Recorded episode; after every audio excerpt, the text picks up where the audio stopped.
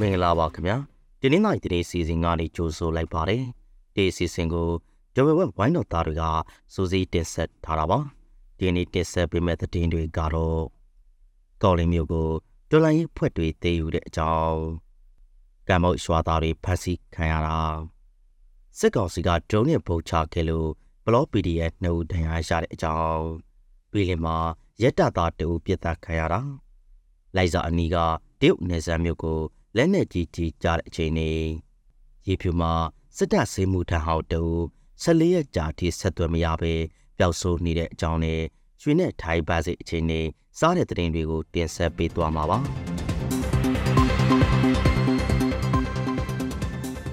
စကိုင်းတိုင်းက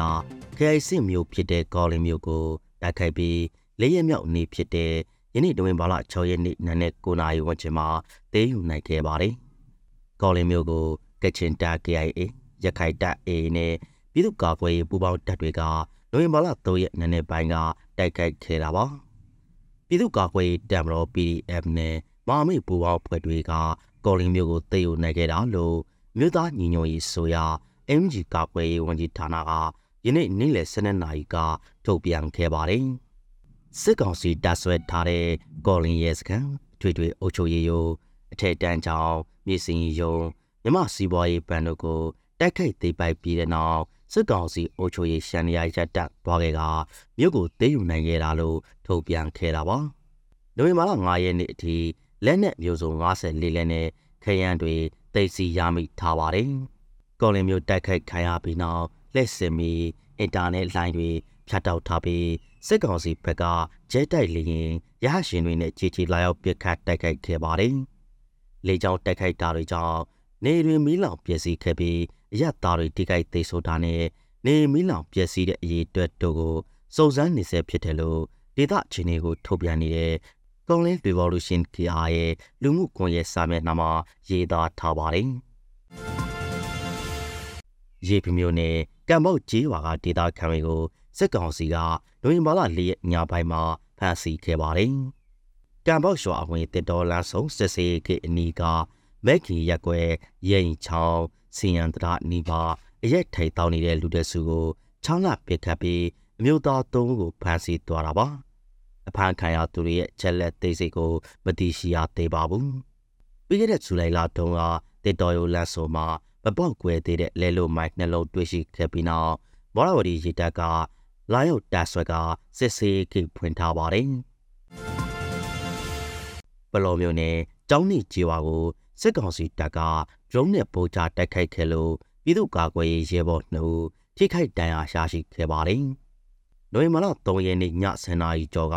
စစ်ကောင်စီတပ်ရဲ့ဒရုန်းကကျောင်းနစ်ရွာတွင်သို့ကင်းထောက်ဝင်ရောက်လာပြီးဘုံသီးထုတ်လို့ချခဲ့လို့ပလောစစ်ကြောင်းတင်မှရဲဘော်နှုတ်ထိမှန်ဒဏ်ရာရခဲ့တာပါ။ရဲဘော်နှုတ်ရဲ့ဒဏ်ရာရရှိမှုခြေနေကိုတော့သိစိတ်မသိရှိရသေးပါဘူး။ပြီးခဲ့တဲ့အောက်တိုဘာလနဲ့ဧပြီလတုန်းကလည်း ကြောင်းနေရွာကိုစစ်ကောင်စီတပ်ကဒရုန်းနဲ့ဗုတ်သေးချခဲ့လို့အရသာအမျိုးသား2ဦးနဲ့အမျိုးသမီး2ဦးထိခိုက်ဒဏ်ရာရခဲ့ပါသေးတယ်။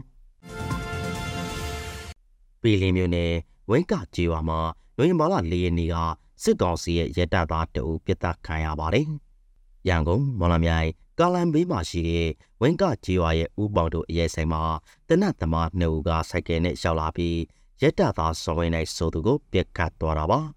တနတ်နဲ့ပြစ်ခတ်တာကြောင့်ရက်တသားရဲ့လေဘင်းနဲ့ပေါင်တို့မှာကြီးဖောက်ဝင်သွားပြီးအခင်းဖြစ်နေရအရေးဆိုင်မှာပဲတိတ်ဆိုးသွားတယ်လို့ဆိုပါတယ်စစ်တပ်ကအာဏာသိမ်းပြီးနောက်ပြည်လင်းမြို့နယ်မှာရက်တပ်ပွဲတွေပြင်စစ်ကောင်စီတပ်ပွဲဝင်တွေဌာနဆိုင်ရာဝန်ထမ်းတွေရကြေးအုပ်ချုပ်ရေးမှုတွေ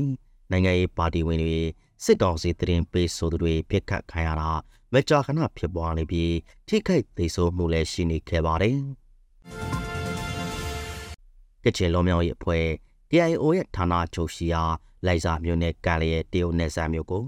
နိုဝင်ဘာလ၄ရက်နေ့ကလက်နက်ကြီးကြီးကြောက်ပေါက်ကွဲခဲ့ပါတယ်။စစ်ကောင်စီတပ်ကလက်နက်ကြီးတွေနဲ့လိုက်စာမြို့ကိုပစ်ခတ်ရမှာတရုတ်နိုင်ငံတဲကိုကြောက်ပေါက်ကွဲခဲ့တာပါ။လက်နက်ကြီးကြီးတောင်တရုတ်နိုင်ငံသားတူသေဆိုပြီးနှစ်ဦးတန်ရာရရှိခဲ့ပါတယ်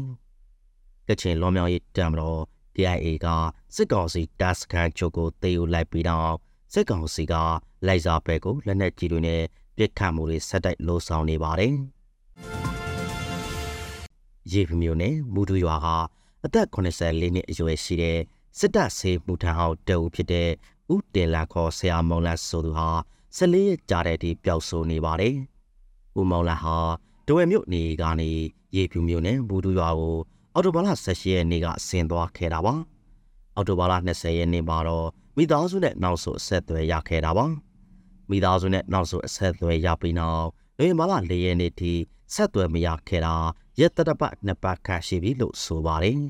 ။ဆေးဆရာတူလည်းဖြစ်တဲ့ဦးမောင်လာဟာမော်ဘီနယ်ခြေဆိုင်ခလာရ96တိုင်ရင်မှာအမှုထမ်းခဲ့ဖူးတဲ့စိတ်တသားဟောင်းတူလည်းဖြစ်ပါတယ်။မူရီရွာကိုအော်တိုဘာလ20ရက်နေ့ကစစ်ကောင်စီစစ်ကြောင်းဝင်လာပြီး နေ19ဆောင်မိရှုပ်ခဲ့ပြီးရွာသား3ဦးကိုလည်းဖမ်းဆီးသွားပါတယ်။ဖမ်းဆီးခံရတဲ့ရွာသား3ဟာ3ရက်အကြာမှပြန်လော့လာခဲ့တာပါ။နောက်ဆုံးတပုတ်အနေနဲ့ရွှေနဲ့ပါစီချင်းတွေကိုတင်ပြပေးသွားမှာပါ။ဒီနေ့မှာတော့အခောက်ရွှေတကြသားကိုကြက်တထောင်စီကြားသွားပါတယ်။တဝဲရွှေစည်းကွဲမှာအခောက်ရွှေတကြသားကို35သိန်းကျပ်နေပါနဲ့စေးဖွင့်ထားတာပါ။ထိုင်ပါစီမှာပြတဲ့နေပြီး မြမဝေတသိန်းကို1104ဘတ်ပေါက်စေရှိနေပါတယ်။ခုလိုနားဆင်ပေးခဲ့တဲ့အတွက်ကျေးဇူးအထူးတင်ရှိပါတယ်။မြန်မာနိုင်ငံသားများကပ်ပြီးပေါင်းကနေအများဆိုးလွတ်မြောက်နိုင်ပါစေလို့ကြွယ်ဝဝိုင်းတော်သားတွေကစုမော်ဟောက်တောက်အပ်ပါတယ်ခင်ဗျာ။